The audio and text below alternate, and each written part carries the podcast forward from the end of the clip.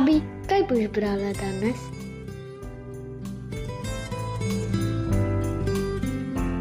Pravijo, da je ljubezen slepa.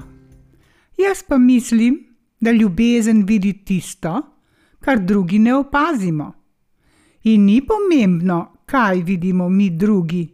Kdor ljubi, ve, kaj ima, čeprav ni prave barve. Kaj o tem pripoveduje kitajska pravljica Modra vrtnica? Pred davnimi časi je živel na kitajskem cesar, ki je imel dva otroka, sina in hčer. Sin je bil že oženjen in žena mu je rodila zdravega dečka. Hči pa še ni bila poročena in cesar jo je želel umožiti z enakorodnim moškim, preden umre. Ta hči je bila daleč naokoli znana zaradi svoje lepote. Imela je lepe rjave oči, njen smeh pa je zvenel, kot bi peli srebrni zvonovi. Noge je imela tako vitke kot nobena druga. Ni pa bila samo lepa, ampak tudi pametna in modra, in je pela pesmi velikih umetnikov, kot nihče drug v celi deželi. Poročiti se pa ni hotela. Brž ko se je razvedelo, da cesar išče svojih hčeri snupca, so kar po vrsti prihajali mladi snupci v cesarsko palačo. Minister je vse sprejel in jih peljal v posebno sobo, kjer jim je povedal, da bo cesarjevo hči dobil za ženo tisti, ki ji prinese modro vrtnico. Tako je namreč ona sama predlagala. Začudeni snupci so se spraševali, kje bi mogli najti modro vrtnico. Večina se je takoj odrekla snubitvi. Nekateri so poskušali srečo, a so se tudi k malu odrekli. Na vse zadnje so ostali le še trije snupci. Eden izmed njih je bil bogat trgovec. Šel je v največji bazar in zahteval modro vrtnico. Bazar je velika tržnica. Trgovec se mu je kar naprej priklanjal in se mu oproščal. Modre vrtnice še svoj živ dan nisem videl. Trgovec pa mu je velel, naj mu priskrbi modro vrtnico, naj stane, kar hoče.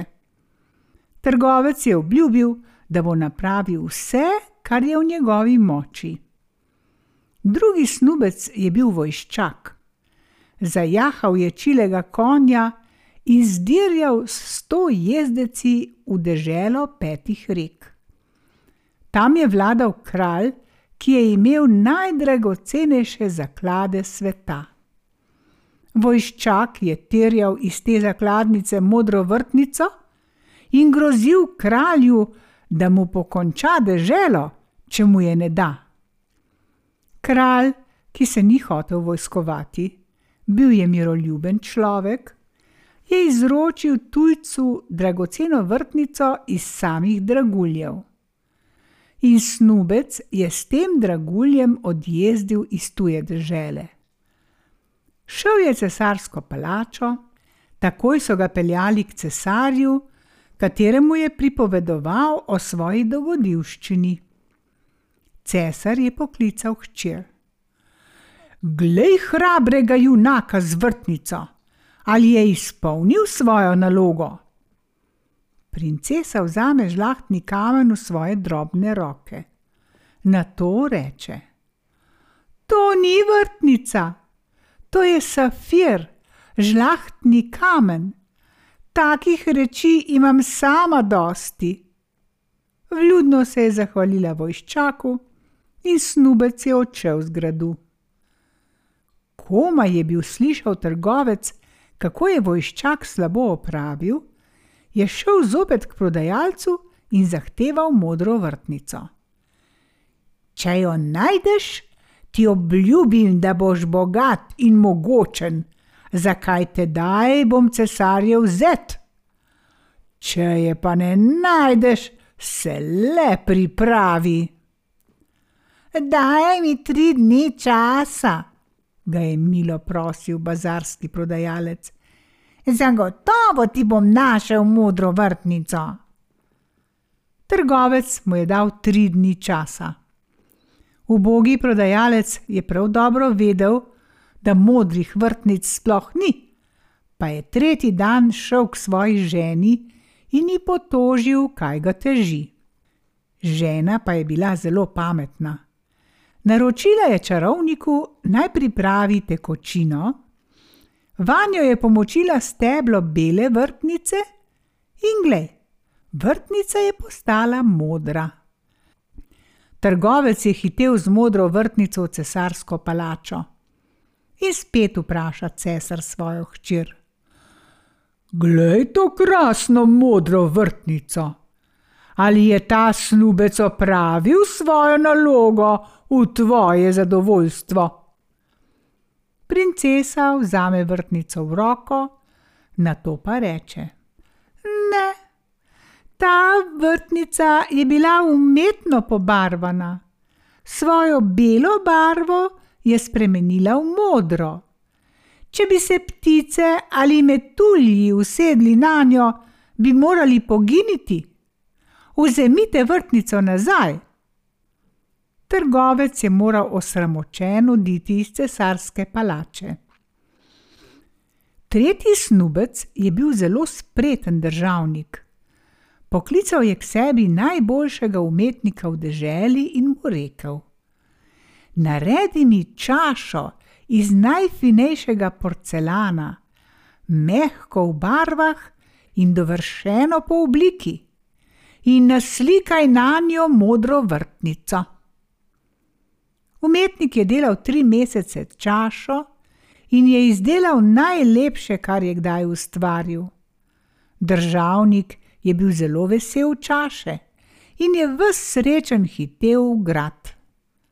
Cesar je spet velel poklicati hčer, ji predstavil snupca in jo vprašal, če je ta prav opravil svojo nalogo. Princesa vzame delo v svoje drobne roke in reče: To je najpopolnejša umetnina, kar sem jih kdaj videla. Shranila jo bom, zakaj ta čaša je vredna, da bo nekoč v njej modra vrtnica. Tudi ta snubec je bil razočaran, vendar se je princesi prisrčno zahvalil, ker je sprejela njegov dar in je odšel. Kmalu zatem je šel neki popotnik mimo cesarske palače. Nič še ni bil slišal o modri vrtnici, prveč je šel svojo pot naprej, brenkal na lutnjo in pel pesmi, ki si jih je ravno spomnil. Bil je večer in ker je bil utrujen in je sonce tako krasno zahajalo, se je usedel na zid cesarskega vrta, brenkal in pel, včasih pa prisluhnil regljanju žab in šumenje reke. Tedaj zasliši, kako se za njim odpirajo vrata in iz vrta stopi vitka postava. Pelje ga v senco ciprese in pod zvezdami si šepetata tisoč stvari, medtem pa ju je zagrnila tema kot srebrna megla. Brž, ko se bo zdanilo, bom šel k tvojemu očetu in prosil za tvojo roko, je rekel on. Ah, je vzdihnila neznanka. Jaz sem cesarjeva hči in sem zahtevala, da me sme poročiti samo tisti, ki mi prinese modro vrtnico. Popotni fant se nasmehne. Ta reč je kaj preprosta. Našel bom modro vrtnico. Zdanilo se je in fant je v poti utrgal belo vrtnico ter jo nesel v cesarsko palačo. Ta, tale tuji popotni pevec ti prinaša to, kar misli, da je modra vrtnica. Ali hočeš pogledati, če je morda prava? reče cesar in se smeje. Princesa vzame v jutru utrgano vrtnico in ne da bi se obotavljala, reče: Da, to je modra vrtnica, ki sem jo hotela imeti. Vsi na dvoru so ugovarjali, zakaj vrtnica je bila bela in ne modra. Jaz pa vem, da je vrtnica modra, reče princesa in prijazno doda: Morda ste pa vi vsi slepi za barve. Cesar je odločil, da je treba vrtnico imeti za modro, da ima princesa prav in da nihče ne sme dvomiti o tem, niti zvezdoslovci, niti znanstveniki, niti njihovi učenci ali preroki.